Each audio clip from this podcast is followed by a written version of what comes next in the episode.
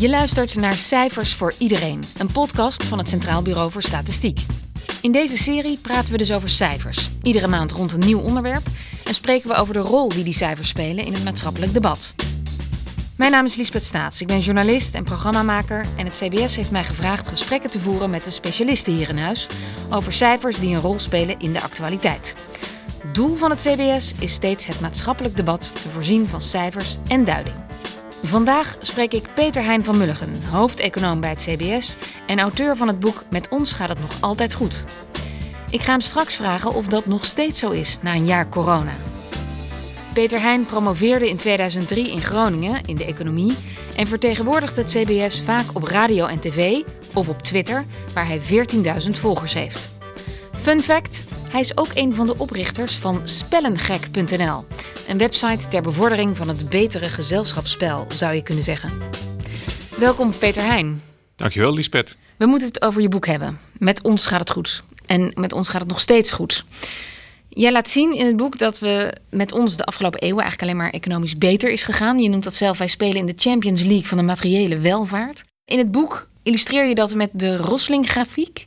Nou, we hebben hier geen plaatjes en geen video. Maar kun je dat toch uitleggen? Wat zien we daar gebeuren? De Rosling-grafiek, eh, dat is ontzettend goede weergave. Uh, vooral ook als je hem ziet over de tijd.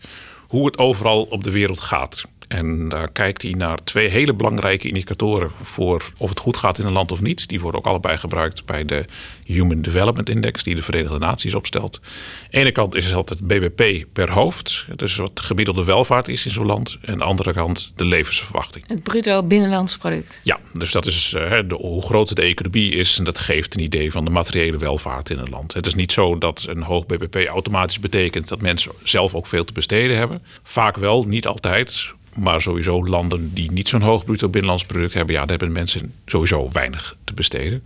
Nou, dat is een teken van welvaart. En levensverwachting is dat natuurlijk ook. Als je een gezonde bevolking hebt en ook voor jezelf als persoon, is het toch fijn als je kunt denken van nou, ik haal de 80 wel, dan uh, of het misschien met 60 al voorbij is. Ja. Nou, en als je daarnaar kijkt, alle landen ter wereld sorteert hij daarin. En dan heb je helemaal rechtsboven in de hoek dat zijn de landen waar het dan het allerbeste gaat. Die zijn en heel rijk en mensen worden er heel oud. Er zijn een paar kleine landjes die verreweg het beste scoren. Dan moet je denken aan uh, ja, mini-staatjes als uh, Singapore en uh, Luxemburg.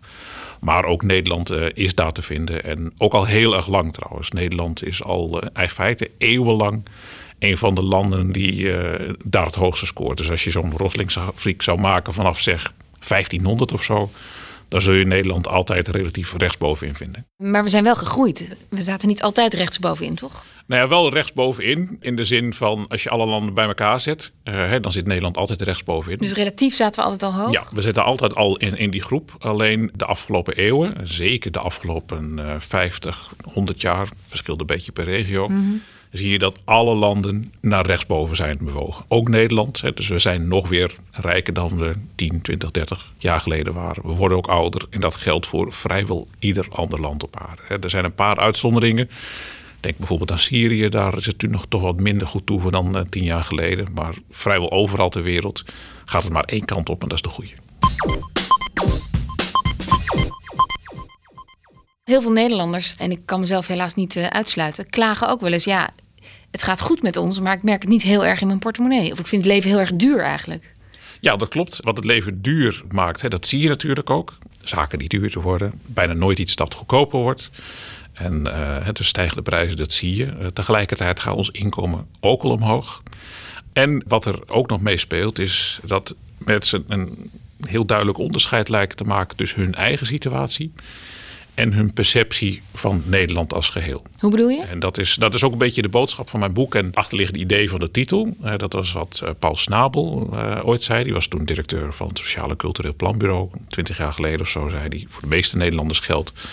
Met mij gaat het goed, met ons gaat het slecht. Dus mensen over hun eigen situatie zijn ze best wel tevreden. Er zijn natuurlijk altijd wel zaken die beter kunnen. Maar vraag je mensen zelf op de man af: ben je een beetje tevreden met het leven? Nou, de overgrote meerderheid van de Nederlanders zegt ja. Dat vond ik dan ook alweer opmerkelijk uh, afgelopen mm. week om te zien. Toen kwamen er cijfers uit van Verenigde Naties waar ze hadden gepeild van hoe staat het met het geluk, eigenlijk welbevinden ja. van de mensen overal. Zo'n populaire poll is dat? Precies. Uh... Nou, daar staat Nederland weer gewoon in de top 5. Ja. En dat is gewoon mensen zelf gevraagd om hun eigen leven te beoordelen. Nou, daar zijn Nederlanders heel positief in. Maar dat gaat niet alleen over economische groei. Dat gaat over alles. Ja. dus daar speelt alles mee. Hè. Dus welvaart speelt daar een belangrijke rol. Want er is een hele duidelijke link tussen uh, welvaart en, uh, en geluksbeleving. Hoe rijker je bent, hoe gelukkiger je bent. Het is Mhm. nog geen bovengrens uh, bekend. Dus over hun eigen situatie in Nederland ontzettend tevreden. Maar als je ze een vraag van naar Nederland als geheel, dan is de stemming vaak somberder. En dat baseren mensen ook vaak op dingen die ze in het nieuws zien, in de krant lezen. En hoe gaat het in nieuws in de krant? He, slecht nieuws, dat scoort beter. Ja, noem eens even de belangrijkste iconen van die vooruitgang. Er zijn verschillende zaken, uh, maar kijk naar je eigen leven, hoe dat eruit ziet. De meeste mensen hebben een veel betere en nieuwere auto dan begin jaren 80. Er zijn überhaupt meer mensen die een, een auto hebben. De meeste mensen wonen in een veel fijner huis dan de mensen in de begin jaren 80 deden. Vakanties, noem eens iets. Dat was een van de meest genoemde pijnpunten van corona toen het kwam een jaar geleden. Van hè, potverdorie, nou kan die vakantie niet doorgaan. Nee. En nou gaat die iedereen, heeft natuurlijk een vakantie naar Thailand gepland. Nee. Die uh, door corona niet door kon gaan. Maar er zijn massa's mensen voor wie de vakantie niet door kon gaan. Begin jaren 80 was een vakantie in het buitenland veel minder vanzelfsprekend dan nu laat staan. Zijn er ook cijfers van? Ja, die, die hebben we. En dan zie je dat gewoon uh, het aantal mensen dat minstens één lange vakantie per jaar heeft. Dat is nu veel groter dan toen. Vooral bij uh, de ouderen. Dat zijn mensen van boven de 65. Dat was toen de groep die verreweg het minst op vakantie ging. Want daar hadden ze simpelweg het geld niet voor. En nu is dat de groep die het vaakst ja, op vakantie daar drijft gaat. de hele reisbranche op, denk ik. Ja, want ze hebben het geld en ze hebben natuurlijk massa's tijd. Want ze hoeven niet meer te werken. Ze hebben geen schoolgaande kinderen meer. Uh, met, dus met allemaal van dat soort zaken. Dan, daaraan zie je dat het buitenlandse vakantie is een soort verworven recht geworden. En als dat niet meer kan, ja, dat is toch wel een grote terugval. Terwijl 40 jaar geleden, nou ja... Een, was het een uitzondering? Met, met de tent naar Frankrijk, nou, dat was, uh, dat was niks mis mee. Dat was een, een puikenvakantie. Ik dat ging toen ook, ook niet altijd. Nog steeds, hè? Ja, dat gebeurt nog steeds. Ja. Maar het is niet meer een soort van norm van, nou, dat is, uh, hè, dus als je een beetje geld hebt, dan, uh, dan ga je toch gewoon lekker kamperen in Frankrijk. Misschien zelfs al met de caravan. Terwijl toen waren er ook voor middenklasse gezinnen was het geen vanzelfsprekendheid om ieder jaar met vakantie naar het buitenland te gaan. Ja, dat zie ik ook persoonlijk. Toen ik in de vijfde klas zat, uh, gingen we met het school op Rome-reis. En door een toeval, het kwam, uh, normaal gingen, gingen ze altijd met de trein. Maar was het voordelig en konden wij met de klas met het vliegtuig. Ik was 17, was de eerste keer in mijn leven dat ik vloog. Nou, er zijn vast in Nederland nu ook wel kinderen van 17 die nog nooit gevlogen hebben. Maar dat was toen de overgrote meerderheid. Ja. En ik denk dat, dat een nu, uitzondering, een ja, vliegvakantie. Ja, dat je met het vliegtuig wegging, dat was, nou, dat was maar voor heel weinig mensen weggelegd. Ja, dat is nu totaal anders. Ja. Er zijn nog steeds natuurlijk mensen die nog nooit gevlogen hebben, omdat ze het niet kunnen nog, betalen. vliegen is vaak goedkoper dan met de trein. Ja, dat, dus daar kun je ook weer van alles van vinden. Ja. Maar het, het feit dat het kan, dat je gewoon verder weg kunt met je vakantie, is natuurlijk een teken van welvaart. Als mensen denken dat die welvaart hen niet bereikt, of die groei hen niet raakt in de portemonnee, in positieve zin, hoe bereikt die groei hen of ons dan wel? Waar zit nog meer die groei in die we niet zelf cash op tafel kunnen leggen? Nee, hij is er wel. Kijk, en dan kom ik wel weer op het cijferverhaal. Van, eh, je, je, ziet natuurlijk een hele zichtbare dingen als de vakanties, de betere spullen die we hebben. Het feit dat je überhaupt internet hebt, een, eh, een smartphone, dat soort zaken waar we toen niet eens wisten dat het kon. Eh, maar als ik dan naar de cijfers kijk, en dan kijk ik echt naar het, wat wij noemen het beschikbaar inkomen. Dus dat is wat mensen aan inkomen hebben dat ze uit kunnen geven. Ja, dus, eh, dus belasting, netto? belastingpremie is daar al vanaf. Ja, het is vertaal het als, eh, als netto. Je moet natuurlijk nog wel je vaste lasten daarvan betalen. Hypotheek, huur, boodschappen, dat soort dingen. Maar het is inkomen waar jij zelf over kunt beschikken. Dus Mhm. allerlei belastingen, die premies, die zijn daar al van af. Dat is waar vaak naar wordt gekeken. Dat inkomen blijft achter bij de economische groei. Er is één periode geweest waar dat inderdaad zo was. En dat was eh, ongeveer het eerste decennium van deze eeuw. Toen stond het inkomen lange tijd stil. Terwijl de economie wel groeide. Dus 2000, 2010. Ja, ongeveer eh, Ja. die periode. Voor 2000, als je dan kijkt naar het eh, BBP en het beschikbaar inkomen, dat, dat zijn lijntjes die liggen op elkaar. En na 2010 ook. De eerste jaren ging het natuurlijk wat minder, want we zaten in die crisis, dus toen groeide het allebei niet. Maar daarna ging het gewoon weer eh, gelijk omhoog. Het was die periode dat het minder ging. Misschien dat dat toen iets getriggerd heeft, dat we het toen eerst nog niet merkten, want het inkomen ging wel wat omhoog. Goed, dat de economie harder groeide, had niemand last van. Maar toen kwam de crisis. Toen ging er heel veel mis. Uh, we hebben het gezien op de woningmarkt, waar, wat, uh, waar we het al over hadden. Armoede steeg. En dat er toen ineens een soort van beeld ontstond van... maar, maar, maar, maar wacht eens even. Al die banken die nu uh, de economie in de afgrond in helpen... die hebben het hartstikke goed gedaan. Enorme veel winsten geboekt. Allemaal economische groei. Maar wat zijn wij er rijker van geworden? Niks. Sterker nog, wij moeten ervoor betalen. Precies, hè. wij moeten daarvoor opdragen. De belastingbetaler moet die, die dekselse banken gaan, uh, gaan redden die uh, geprofiteerd hebben van die groei. En uh, ja. hè, voor hen groeiden de bomen tot in de hemel en de gewone burger kreeg er geen, geen euro bij. Nou, er zijn toen heel veel analyses over verschenen. een van de bekendste, ik zou zeggen haast beruchtste, is die van de Rabobank in 2018. En er stond een grafiek in met het besteedbaar inkomen per huishouden in Nederland. En dat suggereerde inderdaad dat het uh, sinds eind jaren 70 redelijk vlak was geweest. Ja, dus iedereen groeien behalve de Precies. belastingbetaler. Ja, nou, behalve gewoon de Nederlander. Nou, er is een heel boek over geschreven, Fantoomgroei. En om het vriendelijk te zeggen, daar klopt gewoon helemaal niks van. Daar klopt helemaal niks van, nee, dat van dat hele boek? Uh, nou ja, van, van de uitgangspositie. Hè. De ja. uitgangspositie dat het inkomen al decennia in Nederland niet stijgt. Het is één korte periode geweest, 2000, uh, 2010. En dan kun je afvragen, maar wat is er toen gebeurd? Ja, gingen er toen de, de, de bedrijven met uh, alles vandoor? En mm -hmm. dan moesten de burgers meer belasting betalen. Dat laatste is waar. De mensen betaalden meer belasting en hielden daardoor minder inkomen over. Alleen uh, die grotere belasting en premieafdrachten, die zijn gegaan naar meer uitgaven van de zorg. Wacht even, nog één keer, want ik ben een enorme alfa. Dus de enorme groei is gegaan in de zorg die ons weer allemaal toekomt. Precies. Dus we hadden inderdaad een tijd lang dat het inkomen stil bleef staan, terwijl de economie groeide. Ja. En dan wordt vaak gedacht, zie, dat zijn de bedrijven die er met de koek vandoor gaan. Maar dat is niet waar, want het aandeel van bedrijven in de totale economische koek bleef ook gelijk. Het was het aandeel van de overheid dat ineens enorm groeide. Dat van de huishoudens dat zakte in. Want ja, de koek werd wel groter, maar uh, ja, het stukje van de huishoudens bleef gelijk. Dus hun aandeel in de koek werd kleiner. Mm -hmm. En dat is vrijwel volledig bij de overheid terechtgekomen. En dan kun je denken van, nou, wat, wat heeft de overheid daarmee gedaan? En dat zijn uitgaven aan uh, vooral zorg. Uh, dat is wat wij dan in de statistiek uh, de individuele overheidsconsumptie noemen. En dat betekent dat is wat de overheid uitgeeft. Dat aan iedere Nederlander? Aan individuen. Ja. Hey, je dus hebt ook, jij het nodig hebt of als ik het nodig heb. Precies, want jij gebruikt die zorg, die gebruik je alleen als je naar het ziekenhuis moet of de dokter. Kijk, de wegen of de politie, dat is geen individuele consumptie. Dat ligt er gewoon of jij het nou gebruikt of niet. Maar de zorg, daar gaat alleen geld naar als er mensen zijn die ziek zijn of, of wat voor reden dan ja. ook naar een, naar een arts moeten. Dus eigenlijk is dat geld dat ook ten goede komt van uh, Nederlanders. Maar wat zegt het dat zo'n boek als Fantoomgroei, waar we het nu over hebben, als warme broodjes over de toonbank uh, vliegt? Nou ja, ik denk dat het ook weer datzelfde sentiment is. Met mij gaat het goed, met ons gaat het slecht. Mensen houden meer van slecht nieuws dan goed nieuws als ik het even mag uh, chargeren. Dat uh, het, als je een soort gevoel van ongemak hebt en je leest zoiets, ja, precies, zie je wel. Ja. Zo is het. Mensen slaan sneller aan op slecht nieuws dan op goed nieuws. Maar waar komt dat gevoel van ongemak dan vandaan?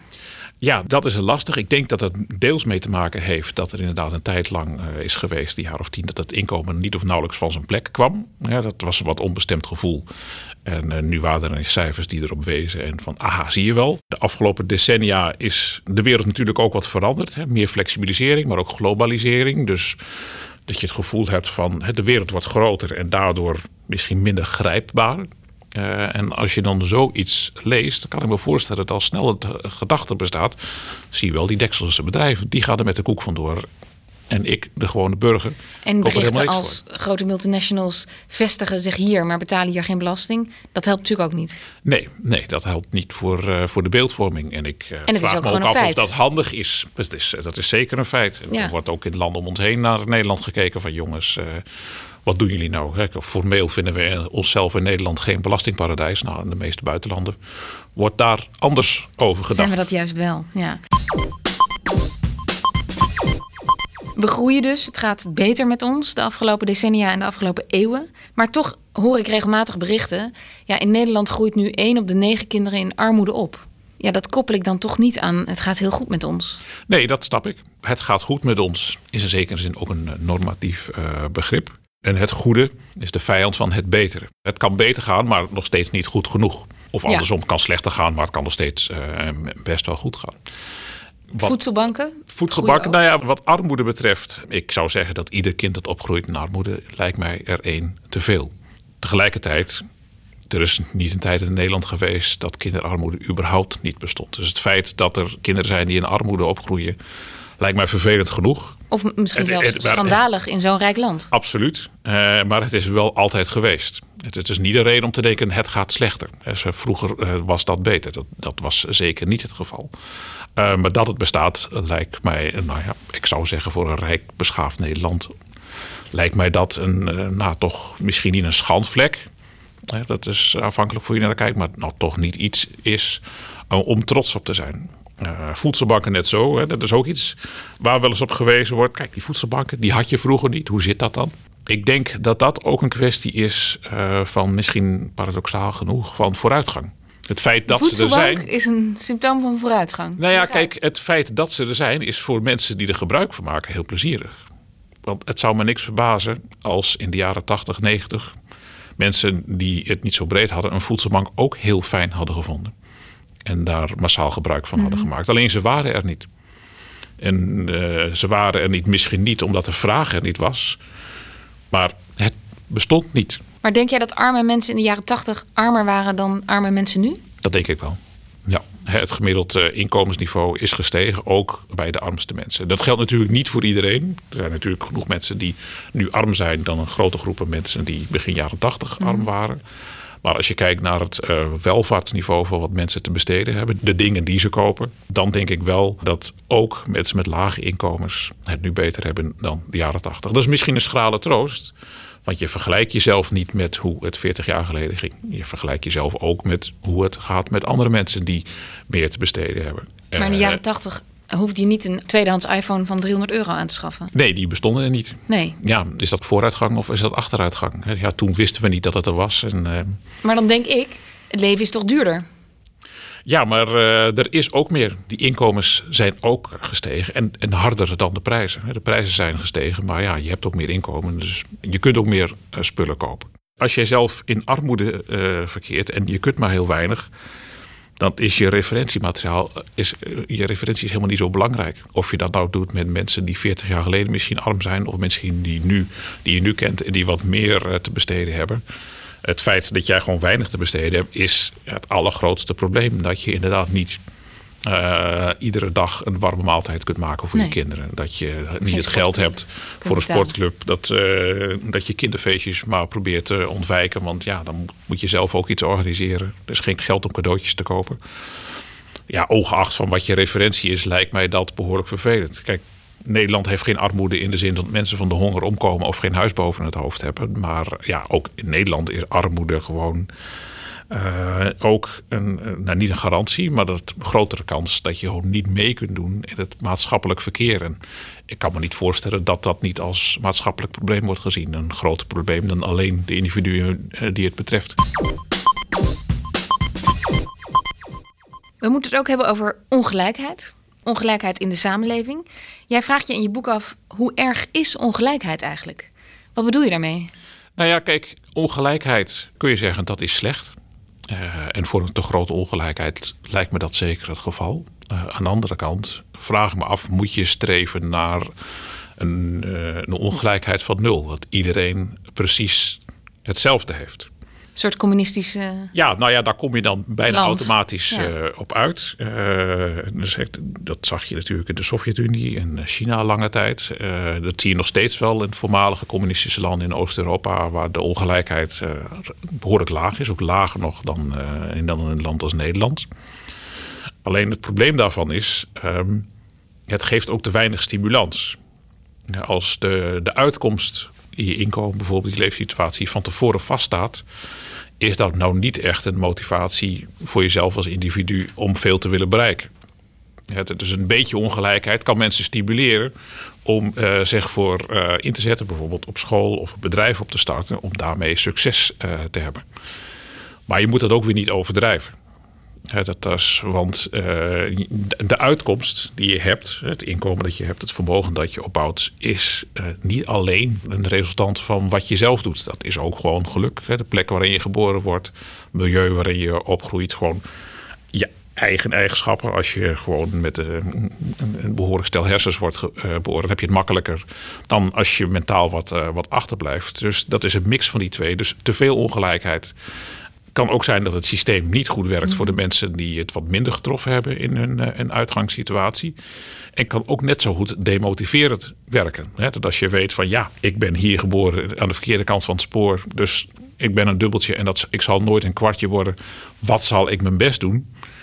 Ja. Dat lijkt me ook niet goed. Dus er is misschien wel een optimale hoeveelheid uh, ongelijkheid, maar hij is niet nul en hij is ook niet uh, maximaal. En uh, ja, die 65-plussers die net ook al zo op vakantie gingen in ons gesprek, die hebben veel te besteden, dus die, ja, je kunt het beste maar 65 plus zijn in deze tijd. Nou ja, ik, ik hoef voor, zelf, voor mezelf nog niet even 65 plus te zijn hoor.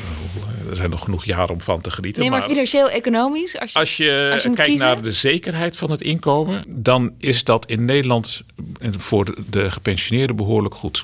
En nu gaan er misschien heel veel mensen heel boos deze podcast uitzetten, die, eh, die gepensioneerd zijn en het totaal niet vinden. Want het is inmiddels de afgelopen jaren heel slecht gegaan met de pensioenen. Daar hebben ze ook wel een punt. De mensen die al een paar jaar met pensioen zijn, die hebben ook wel aan eh, koopkracht ingeleverd. Aan de andere kant, dat geldt voor uh, werknemers ook, uh, zelfstandigen. Die hebben ook behoorlijke koopkrachtklappen gehad door die financiële mhm. crisis. De laatste jaren gaat het wel weer wat beter. Hè. Daar hebben de gepensioneerden nog wel een inhaalslag te maken. Maar de huidige generatie gepensioneerden is de rijkste ooit. Dus ze moeten niet zeuren? Dat zou ik niet willen zeggen. Uh, dat, hè, dus, dat is een heel persoonlijke kwestie natuurlijk van wat jij. Uh, ja, maar even lekker generaliseren. Nou ja, kijk, het is wel zo als je kijkt naar het welvaartsniveau van gepensioneerden hier en nu in Nederland. Dus in vergelijking met gepensioneerden in Nederland vroeger en gepensioneerden elders in de wereld. Dan denk ik dat ze het misschien wel het allerbeste hebben. Dus het kan natuurlijk altijd beter. Sommige dingen zijn niet zo fijn. Maar ja, vergelijk eens met een ander. Vergelijk met wat je doet, inderdaad. Hè, dat is nu geen groep die zo vaak met vakantie gaat als uh, zij. Ze konden het makkelijk slechter hebben. De ongelijkheid in Nederland is laag. We zijn economisch gegroeid de afgelopen decennia en eeuwen zelfs. Maar nu is er een vol jaar corona overheen gegaan.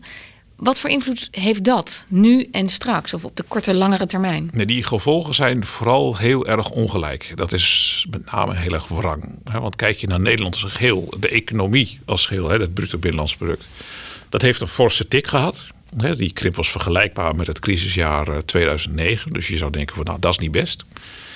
Alleen dat is heel ongelijk verdeeld. Hè. Sommige takken van de economie hebben een enorme klap gehad. Dus eh, alles wat met vakantie te maken heeft, de horeca, sportscholen, noem maar op. Hè. Dus die sectoren die getroffen zijn door de lockdown, waar men intermenselijk contact heel veel is. Dus ook logisch dat daar de lockdown het zwaarst was. Want de kans op besmettingen was daar het hoogst. Nou, die bedrijven hebben het heel zwaar gehad. Maar hele andere delen van de economie hebben nauwelijks last. Dat zie je ook als je kijkt naar, uh, naar de detailhandel heeft het heel goed gedaan. En heel veel sectoren hebben niet of nauwelijks last gehad. Maar als je even loskijkt van bedrijven, maar naar mensen.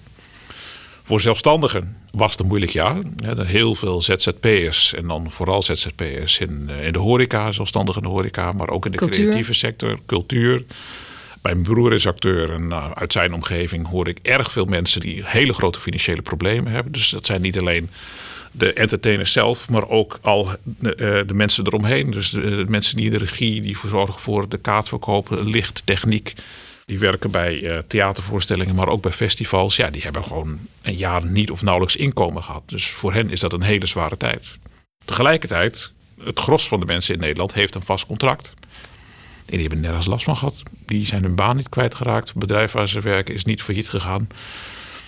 Ja, alle inkomens die, die gingen gewoon door. Uh, die hadden misschien nog een meevaller omdat ze ineens heel veel minder geld uit konden geven in diezelfde cultuur- en uh, horecasector. Die houden geld over. Voor hen is er niks aan de hand. En dat is een heel groot verschil uh, met die financiële crisis van dikke tien jaar geleden. Toen kwamen de klappen overal aan. En nu zijn ze heel erg geconcentreerd bij een relatief beperkte groep. Maar die groep is klein, maar de klap is er wel extra groot. Dus corona discrimineert een beetje? Ja, daar komt het wel op neer. Hè. Dus wat het virus betreft pakt het vooral hè, mensen met wat zwakkere gezondheid, die misschien overgewicht hebben of wat te oud zijn. Maar economisch hebben vooral de mensen die wat minder inkomenszekerheid hebben, die hebben er nu vooral last van. Ja. We moeten het nog hebben over een heel actueel thema, de woningmarkt. We hadden het er net al een klein beetje over. Ja, iedereen zucht hoofdschuddend bij de stijgende huizenprijzen. Heel actueel. De prijzen zijn nog nooit met zoveel procent gestegen. Zeg ik dat goed? Nou ja, dus we zitten nu met de grootste stijging in zo'n 20 jaar. Dus. De grootste stijging, dat woord zocht ik, ja. Het gevoel is, ja, vroeger kon je op één salaris een huis kopen. En kon je daar 20 jaar in blijven wonen. En dan ging je weer door naar een groter huis starters bijvoorbeeld met flexcontracten of zelfstandigen, dat is bijna een droom, een, een huis kopen. Ja, nou ja, goed. Een deel daarvan is waar. Uh, andere dingen zijn ook wel te zwaar aangezet. Uh, oh, vertel. Hè, dus uh, vooral die, in het hele sentiment. Vroeger kon je met één salaris een woning kopen. Als je woningprijzen vergelijkt met inkomens, denk ik dat huizen wel duidelijk een stuk duurder zijn geworden. Hè. Dus je hebt gewoon meer inkomen nodig om hetzelfde huis te kunnen betalen. Aan de andere kant, uh, het woningbezit was toen wel een stuk lager. Nu heeft een kleine 60% van alle Nederlanders een woning. Begin jaren 70 was dat ongeveer 1 op de 3. Dat was de minderheid. Dus toen is er ook uh, jarenlang is er vanuit de overheid beleid gevoerd. Juist om dat eigen woningbezit te stimuleren. De mensen konden allerlei subsidies krijgen. Je had een premie A, B, C woningen. Uh, om te zorgen dat mensen een huis konden kopen. Nou, dat is een enorm succesvol beleid geweest. Want meer dan de helft van de Nederlanders woont nu in een eigen huis. Als je kijkt naar de totaalcijfers, hoeveel huishoudens zijn er in Nederland en hoeveel woningen, dan is dat redelijk in evenwicht. Dan kun je niet zeggen dat er sprake is van een woningtekort. Uh, maar dat, dat is een totaalcijfer. Dat zegt natuurlijk niet automatisch iets hoe het overal zit. Want uh, ik denk dat het vooral heel sterk een lokaal probleem is. Want hoe werkt het starters? Dat zijn over het algemeen wat jongere mensen, tussen de 25 en de 35, zeg maar. En dat zijn mensen die gemiddeld genomen wat hoger opgeleid zijn, vaker in de grote stad werken of eh, in, in, de randstad en daar ook een woning zoeken. Maar dat doen ze allemaal. Ja. Uh, en ja, het aantal woningen gaat daar niet met hetzelfde tempo omhoog. Dus ja, als de vraag harder stijgt dan het aanbod, ja, dat is uh, nou, een klassieke economische wet, dan gaat die prijs omhoog. Terwijl in gebieden in Nederland waar de bevolking zelfs wat krimpt, zeker wat betreft uh, jongvolwassenen die daar eh, per saldo wegtrekken, daar is dat helemaal geen probleem. Nee, maar daar is misschien weer minder werk.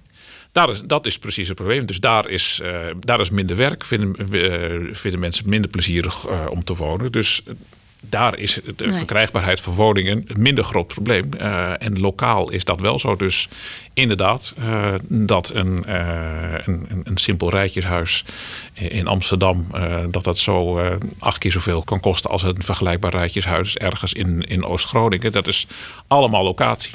Locatie, locatie, locatie. Precies, dus misschien heeft wat dat betreft corona nog een klein positief effect. omdat heel veel mensen die kantoorwerk doen, aan een, nou ja, goed, vooral in een bureau werken, dat ook heel makkelijk thuis kunnen doen. Dus dan hoef je niet meer per se in die grote stad te wonen. Je noemde het net al, de herverdeling eigenlijk van ons uh, collectieve inkomen. Het komt uiteindelijk weer terug bij mensen. Maar misschien niet als harde cash, als besteedbaar inkomen. Maar hoe dan? Op heel veel andere manieren. Hè. Dat is ook uh, de kern van waar is dat bruto binnenlands product nou goed voor? Nou, het is natuurlijk een beetje een gekke vraag voor een econoom. Dan denk je van ja, lijkt me nogal wiedes dat je dat wil. Maar dat biedt verschillende mogelijkheden. In de eerste zin natuurlijk dat je als burger meer te besteden hebt. Dat je vaker op vakantie kunt. Dat je dat nieuwe model iPhone eh, kunt kopen. Of wat je ook met je geld wil doen. Dat is allemaal heel fijn. Ehm, maar er is natuurlijk meer dan alleen geld in het leven. En meer geld maakt gelukkig. Genoeg onderzoek dat dat uh, ondersteunt. Mhm. Maar er is meer dan dat. Uh, en het fijne van als je als land wat rijker bent, gemeten in dat bruto binnenlands product, dat geld heb je ook nodig voor andere zaken, voorzieningen in het leven. Dus denk aan de infrastructuur, het wegennet, de kwaliteit van het openbaar vervoer. Maar ook kwaliteit van het onderwijs, eh, gezondheidszorg, eh, veiligheid en eh, niet in de minste plaats ook de gevolgen van klimaatverandering. Denk je dat wij zo'n coronacrisis aankunnen als Nederland? We hebben de afgelopen jaar gezien dat het een bijzonder jaar was. Hè, dat er in Nederland in sommige dingen toch minder goed gingen dan in, in heel, veel, heel veel andere landen. Uh, coronacrisis aankunnen. Het hangt er ook een beetje vanaf wat je daaronder verstaat. Wil je het aantal doden nul hebben? Of wil je dat de economische schade minimaal is? Of een uh, combinatie daarvan? Nou, met die vraag bedoelde ik eigenlijk het economische deel. Nou, tot nu toe lijkt het mee te vallen. Uh, de economie is wel zwaar gekrompen, is wel heel erg geconcentreerd. Heel veel mensen hebben er economische feiten helemaal geen last van. En gelukkig zijn we met z'n allen rijk genoeg om de sectoren die hard getroffen worden financieel te ondersteunen. Dat is misschien ook wel een les die we hebben geleerd van de vorige financiële crisis. Dat als je op zijn beloop laat, dat er zoveel schade aanricht, dat het heel veel tijd kost voordat je daar overheen bent. En dat er nu bewust voor is gekozen om eh, die getroffen sectoren zoveel mogelijk te ondersteunen. Het heeft ook als gevolg gehad dat mensen krankzinnig veel spaargeld overhielden. Dus dat kan ook betekenen dat als corona straks wat weg hebt, dat er voldoende mensen gevaccineerd zijn, dat het onmiddellijke gezondheidsrisico wat kleiner is en dat de economie weer, eh, weer wat open kan ja, dat al dat spaargeld in één klap de economie inkomt. Uh, met een enorme groei als gevolg. En dat we er ook weer uh, heel sterk uitgroeien. Dat is nu even misschien een naïef optimistisch verhaal. Want we zitten er natuurlijk nog middenin. Er uh, liggen nog steeds te veel mensen in het ziekenhuis. Mensen gaan eraan dood. En het aantal besmettingen neemt toe. Ze zijn er nog lang niet. Maar het zou niet de eerste keer zijn dat je sterker uit een crisis komt. Soms is er ook een crisis voor nodig om bepaalde structurele veranderingen teweeg te brengen. Nou, nu is dat misschien met het thuiswerken wat minder druk zet op de woningmarkt. Allerlei andere technologische innovaties waardoor uh, de, dat je de kracht van het internet veel meer kunt gebruiken uh, dan voorheen. Uh, het was nog steeds beter geweest als we niet hadden gehad, denk ik. maar het is, ik denk dat de erfenis niet alleen maar negatief zal zijn. Laten we elkaar over een eh, jaar weer spreken. Goed plan. Dankjewel. Dit was Cijfers voor Iedereen, een podcast van het Centraal Bureau voor de Statistiek. En blijf luisteren, want in de volgende aflevering praten we door over inflatie.